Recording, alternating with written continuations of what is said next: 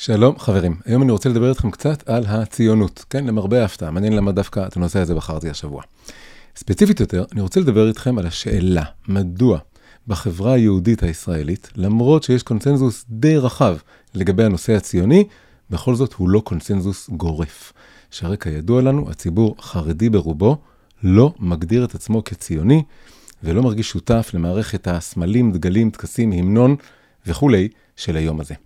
הנושא הזה מציף הרבה מאוד רגשות, אה, הוא נוגע בשאלות מאוד טעונות, כמו נושא השירות בצבא, נושא העמידה בצפירות של ימי הזיכרון, כל הדברים האלה.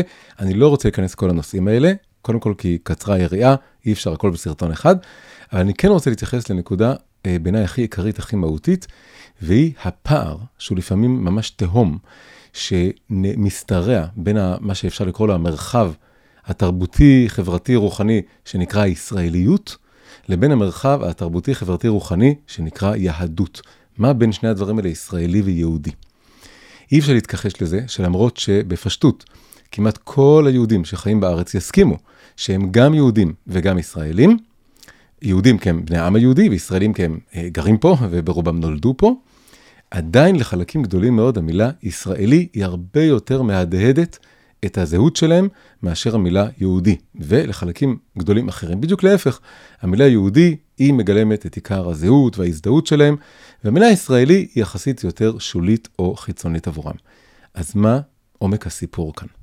עכשיו, חלק גדול מהסיפור הוא שלמרות שמדינת ישראל היא בגיל מכובד של 75 שנה, שזה כן גיל מרשים, יובל וחצי, היא עדיין בעצם צעירה מאוד ביחס להיסטוריה שלנו. בוודאי שזה ככה ביחס לכללות ההיסטוריה שלנו, שהיא למעלה מ-3,300 שנה, אבל אפילו זה נכון שהיא צעירה ביחס להיסטוריה של היהדות בעת החדשה של העידן המודרני, על כל התהפוכות שלו.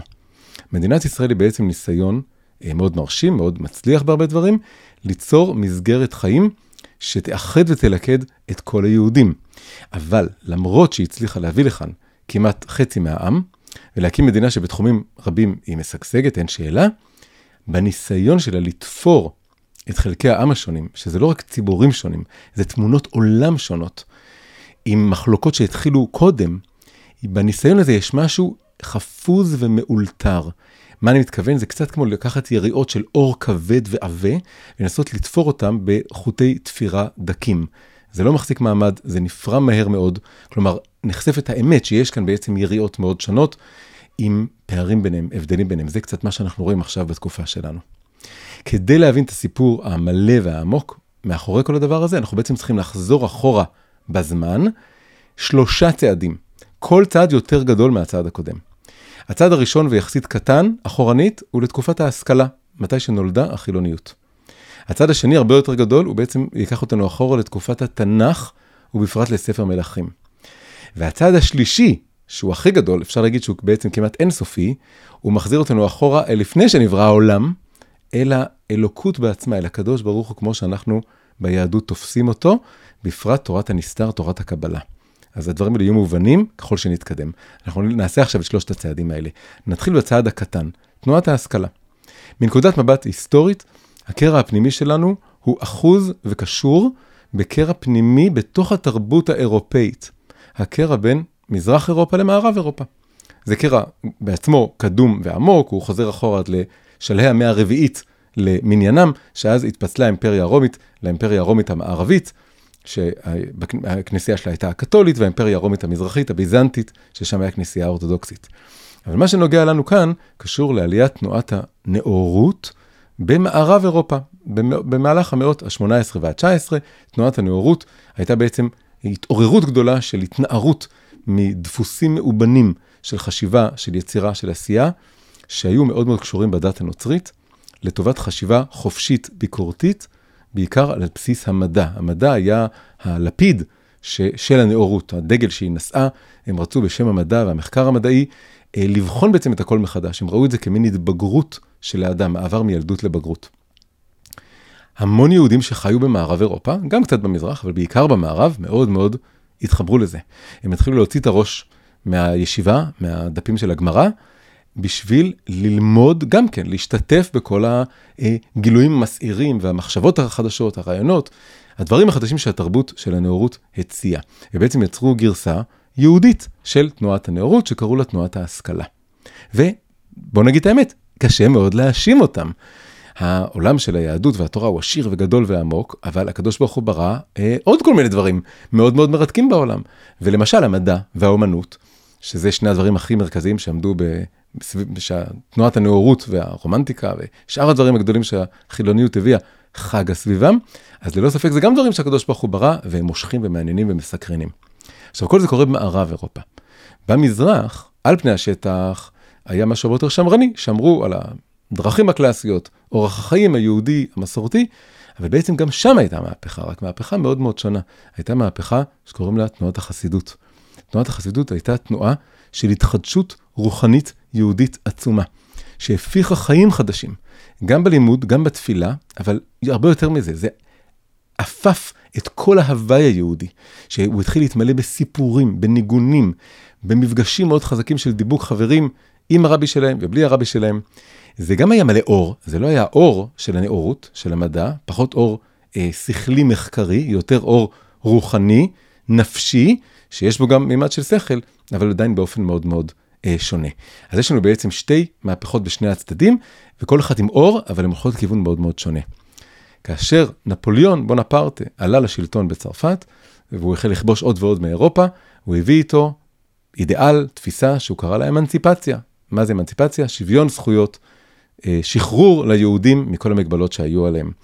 במערב, היהודים במערב מאוד שמחו לזה, חגגו את הדבר הזה, והתחילו להשתלב יותר ויותר באורחות החיים, באוניברסיטאות וכולי, במערב. אבל במזרח, איפה שהיו יותר מחוברים לחסידות ובכלל היהדות הקלאסית המסורתית, ראו את זה כאסון, ראו את זה כחיבוק דוב, שבעצם מפתה את היהודים, מושך אותם לעזוב את המורשת שלהם לטובת הצטרפות לתרבות המערבית עם המורשת שלה, המורשת של המערב הנוצרי. גם אם המערב היה עכשיו עסוק בלבעוט בנצרות, הוא עדיין צמח מתוך הנצרות, ו, וגם הנצרות הייתה, הייתה עדיין חזקה. בכל מקרה, זה אומר להתרחק מהיהדות. וכך בעצם נולד הקרע החרדי חילוני. יהודי מערב אירופה הלכו והתחברו ונישאו על גבי רוחות החילון של המערב, שהלכו והתעצמו, ובמזרח, בדיוק הפוך, הלכו והסתגרו יותר בדיוק מפני אותן רוחות. היו כמובן דתיים במערב, והיו חילונים במזרח, אבל בגדול, זה מה שקרה. ובעצם התחיל להזמין דבר שאני קורא לו טנגו של הקצנה הדדית, שאנחנו בעצם רואים אותו עד היום. החילוניות הלכה והתעצמה בחילוניות שלה, והחרדיות הלכה והתעצמה בחרדיות שלה, הגביה עוד ועוד את החומות. זה גרם לחלק מהחוקרים להגיד שבעצם החרדיות היא המצאה מודרנית בדיוק כמו החילוניות. אה, זה לא משפט לגמרי נכון, כי החרדיות היא באמת שומרת על מסורת של לימוד ואורחות חיים, שבחלקם הגדול הם עתיקים הרבה הרבה יותר מהעידן המודרני, אבל יש בטענה הזאת אה, גרעין גדול של אמת. החרדיות בתצורה המוכרת שלה היום, של חלקים ממנה, המסתגרת, שהרבה פעמים גם עוינת מול העולם המודרני והעולם החילוני, היא בעצם תגובת נגד לחילוניות. והיא, והיא מקצינה, וזה עוד פעם תהליך שממשיך עד היום, בפרופורציה דומה להקצנה ההולכת וגוברת של התרבות החילונית המערבית היום. זה, לכן זה טנגו, כן? It takes two to tango. זה טנגו של הקצנות, זה במיוחד רואים את זה בכל מה שקשור במיניות. היצר הכי גדול, ככל שיש יותר עלייה בעולם המתירני, וכולם רואים את זה במה שרואים ומראים, בשלטי חוצות, בסרטים, בלבוש, כמה שזה יותר מקצין, אז גם להפך, יש הקפדה יתרה על הצניעות בצד השני. בעצם הציבור החילוני והחרדי הם ביחד בריקוד הזה, בטנגו הזה הולכים ומקצינים. זה התחיל שם ב, ב, בתנועת ההשכלה והנאורות, ובקרע הזה בין מזרח מערב אירופה. עכשיו שתי הערות ביניים קטנות לפני שנעבור לשני הצעדים הבאים שלנו. ההסתייגות או ההערה הראשונה קשורה לזה שיש כידוע ציבור שלישי משמעותי בארץ, בין הציבור החילוני לציבור החרדי, נקרא הציבור הדתי-לאומי. הוא מורכב בגדול מצאצאים גם של יהודי מערב אירופה, גם של יהודי מזרח אירופה, ומנסים לשלב בין העולמות ולהיות מין גשר בין העולמות האלה.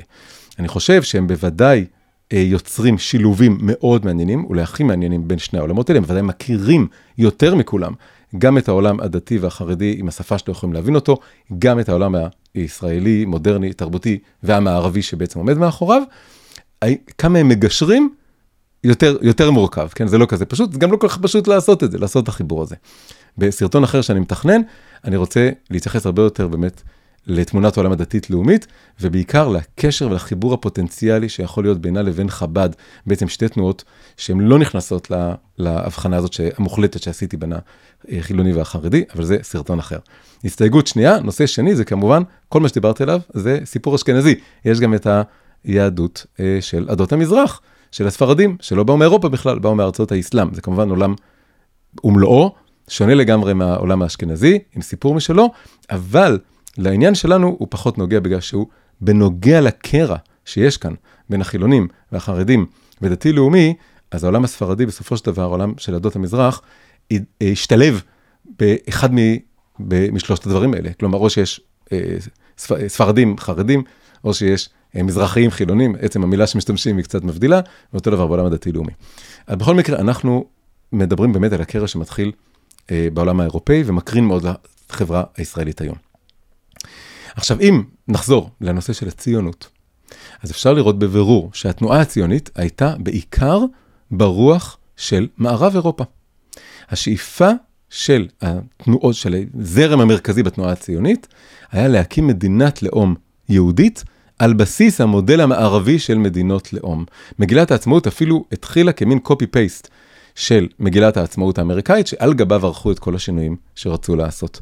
זה מאוד מאוד היה ברוח אביב העמים וההתחדשות של התנועה הלאומית המערבית, ורצו להעתיק את זה. בעצם אפשר להגיד שלציונות היו שני יעדים. אחד היה לרכז מה שיותר בשאיפה את כל העם היהודי בארץ שלו, לעשות קיבוץ גלויות, וככה להקים את מדינת הלאום. והשני היה, עוד פעם, של הזרם המרכזי בציונות, היה גם להפוך את העם היהודי לעם ככל העמים, כמו שאמרנו, לפי המודל של מדינות הלאום. עם מודרני, רגיל, עם מדינת לאום, כמובן עם, אה, עם תרבות יהודית, עם השפה היהודית, חגים יהודים, בגדר פולקלור. כמו שלכל עם יש את הפולקלור שלו, אגדות העם שלו, השפה שלו, אז ככה רצו גם כאן, קראו לזה נורמליזציה. לא רק להיות עם חופשי בארצו, להיות עם נורמלי בארצו, זו הייתה מילה מאוד מרכזית. וזה אכן משתקף עד היום במערכת החינוך הראשית, כן, שאני גדלתי בה, אני חוזר בתשובה למי שלא מכיר, גדלתי בעולם החילוני, בתרבות, בחינוך הממלכתי-חילוני. אה, מה קורה שם? לומדים את התנ"ך הרבה מאוד, אבל כהיסטוריה ופולקלור, לא מכירים כמעט בכלל את העולם של חז"ל, המשנה והתלמוד, למרות שזה בעמוד תווך של היהדות, לפחות כמו התנ"ך. אה, זה סימנו כגלותי והוציאו מהפריים, והדגש הוא על הזהות שלנו כלאום הרבה הרבה פחות כדת עם כל מה שזה משתמע מזה. עכשיו, שני היעדים האלה, בעצם לרכז את עם ישראל בארץ שלו, אבל לה, לשלב אותו ולהטמיע אותו ולדמות אותו לעמים אחרים, שני היעדים האלה התממשו בהצלחה יתרה למדי. אה, כמו שאמרתי מקודם, כבר אה, חצי מהעם הצליחו להביא לפה, זה הישג עצום. יכול להיות שאנחנו בדיוק, לדעתי, על, על סף לעבור את ה-50% של יהודים בארץ ישראל, וזו הצלחה מדהימה עם כל, ה, אה,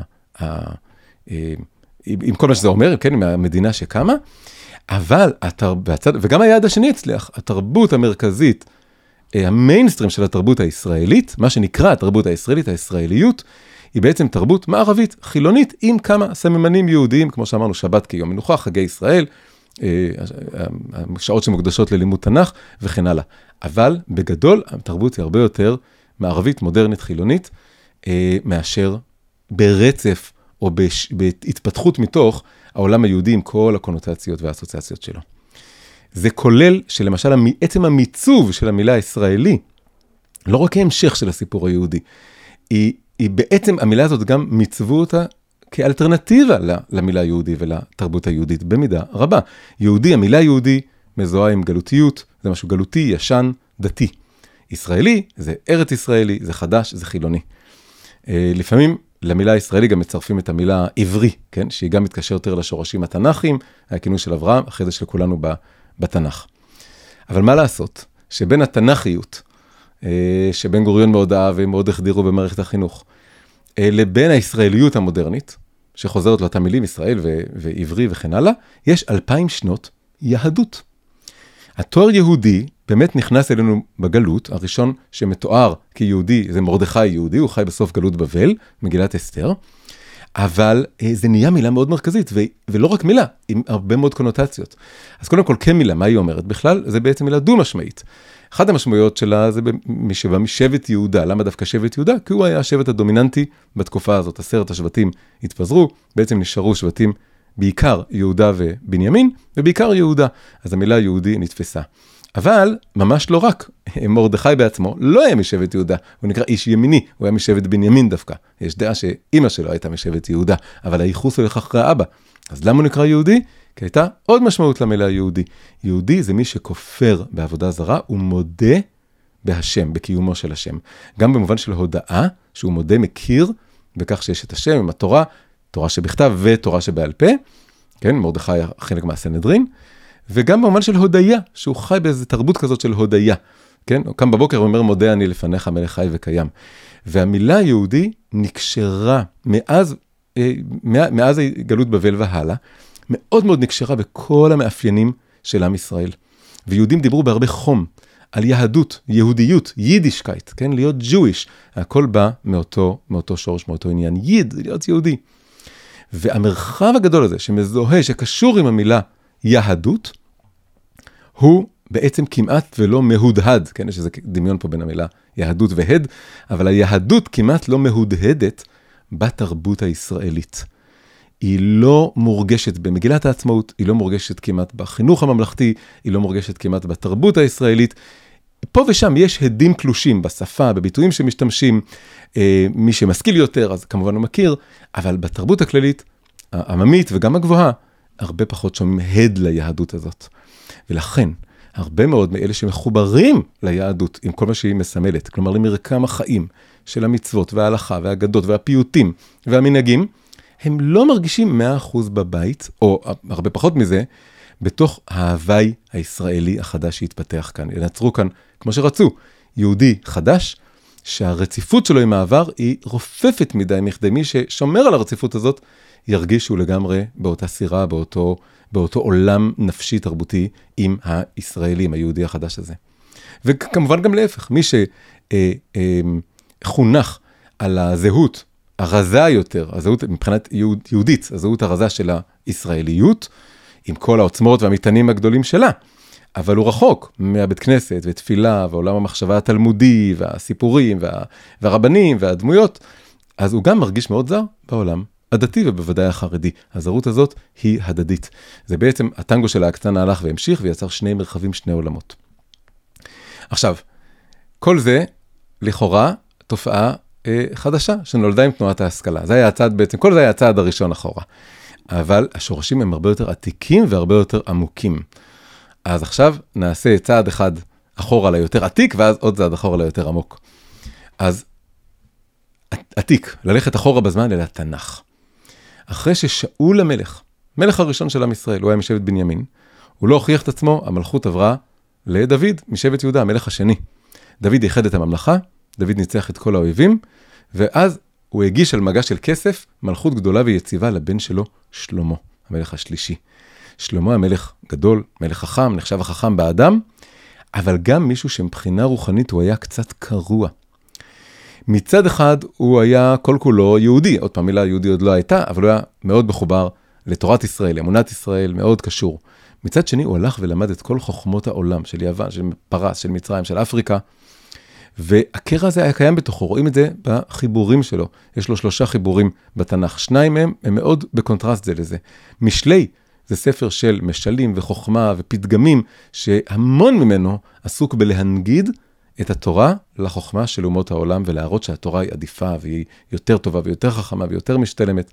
משווה את החוכמות של אומות העולם לאישה לא טובה, ואת התורה לאישה טובה, כל מיני דברים כאלה. אבל יש לו עוד חיבור, נקרא קהלת. וקהלת, שהוא כתב בערוב ימיו כנראה, הוא מאוד מאוד מהדהד את התפיסות הפגניות, הלא יהודיות, שהיו קיימות בעולם הרחב, ונותן להם המון המון מקום, שמאוד קשורות בטבע, בעולם הזה, במחזורי הטבע. בסוף בסוף הוא חוזר לאמונה, הוא פוסק שצריך לחזור לאמונה, סוף דבר הכל נשמע, את האלוקים ירא ואת מצוותיו שמור, כי זה כל האדם. אבל רוב החיבור לא מבטא את זה. הקרע הזה בתוכו התבטא אפילו בזה שכשהוא מצד אחד הוא בנה את בית המקדש הראשון, אבל בו ביום שהוא חנך אותו, הוא גם התחתן עם בת פרעה.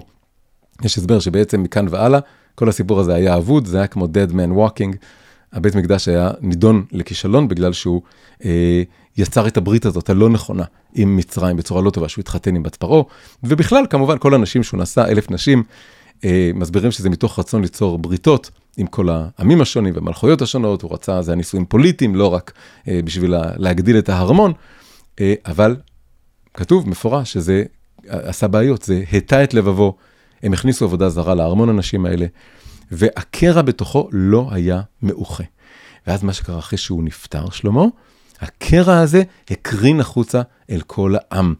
יותר נכון, הוא חשף קרע שהיה קיים בתוך העם, שכנראה שלמה שיקף אותו בחייו. המלכות התפצלה.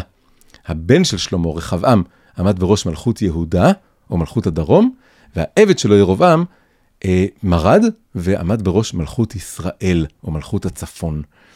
ככה באמת באמת החל הקרע הראשון בין יהודה וישראל, יהדות וישראליות, עוד הרבה הרבה הרבה לפני החילוניות והציונות המודרנית. אז כשאנחנו מדברים על החילונים וחרדים היום, והולכים אחורה להשכלה, זה בעצם אנחנו לא מגרדים את עומק העניין. עומק העניין קשור בפיצול העמוק בין מלכות ישראל ויהודה. ואם אתם לא מאמינים שיש קשרים, אז אני אראה לכם, יש כמה קשרים מאוד מאוד חזקים. מלכות יהודה, שם היה בית המקדש.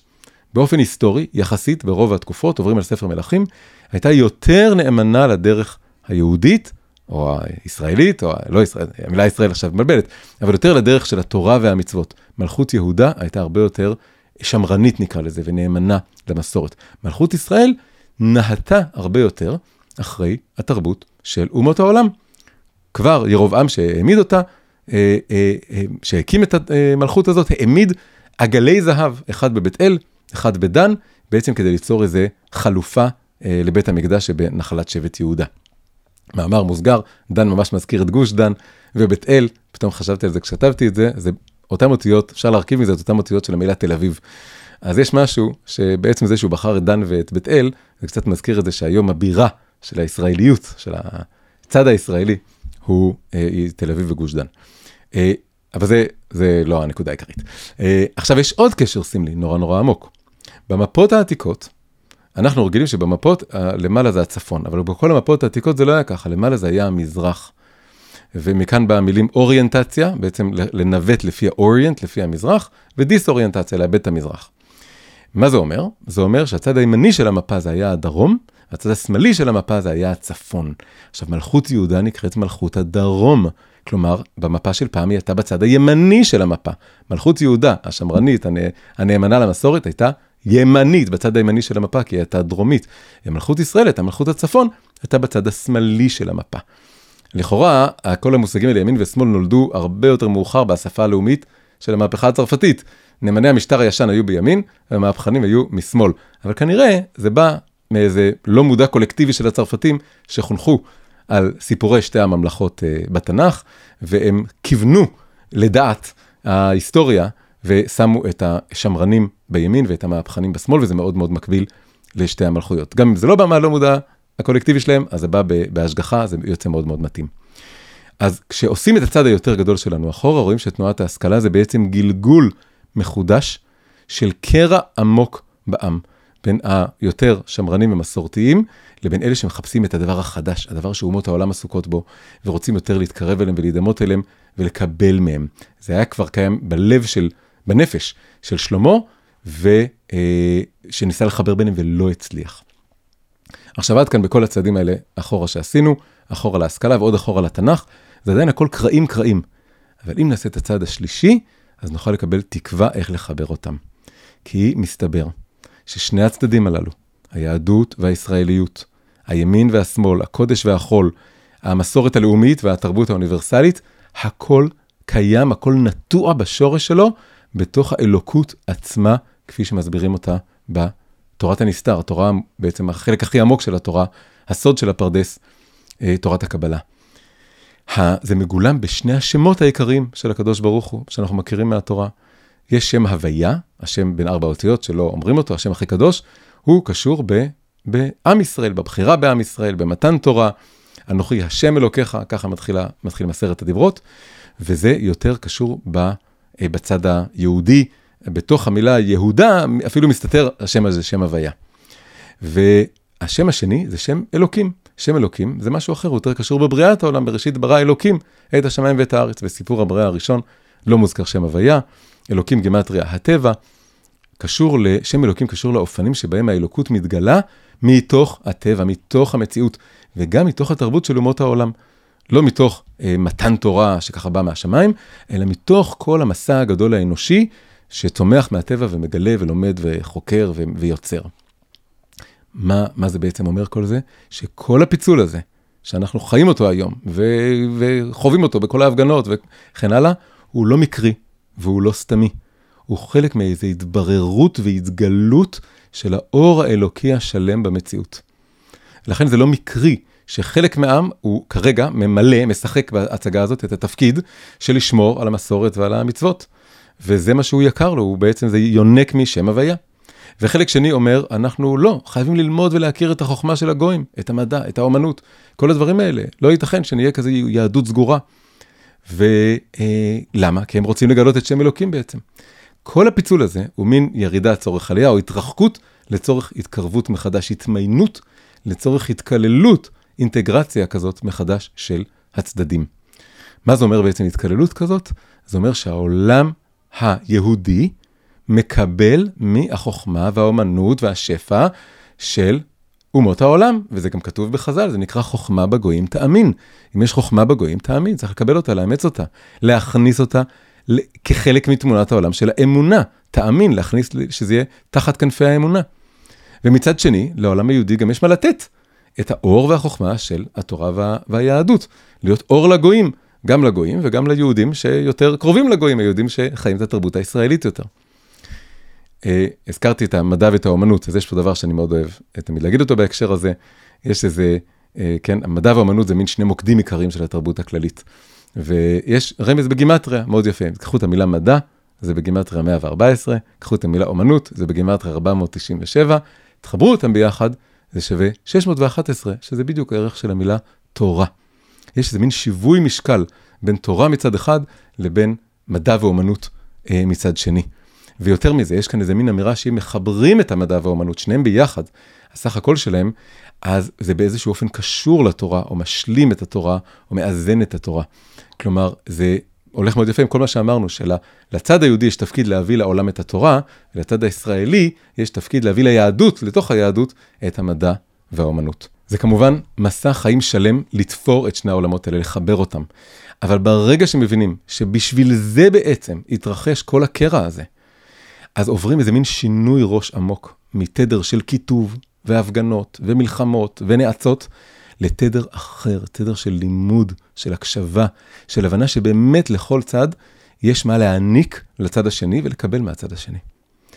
אז אה, שנזכה בימים האלו לצמוח ולגדול ולהתחבר אחד לשני כעם, וליצור ביחד שלם שהוא גדול מסך כל חלקיו, יהדות ישראלית וישראלות יהודית שמפרות ומשלימות אחת את השנייה.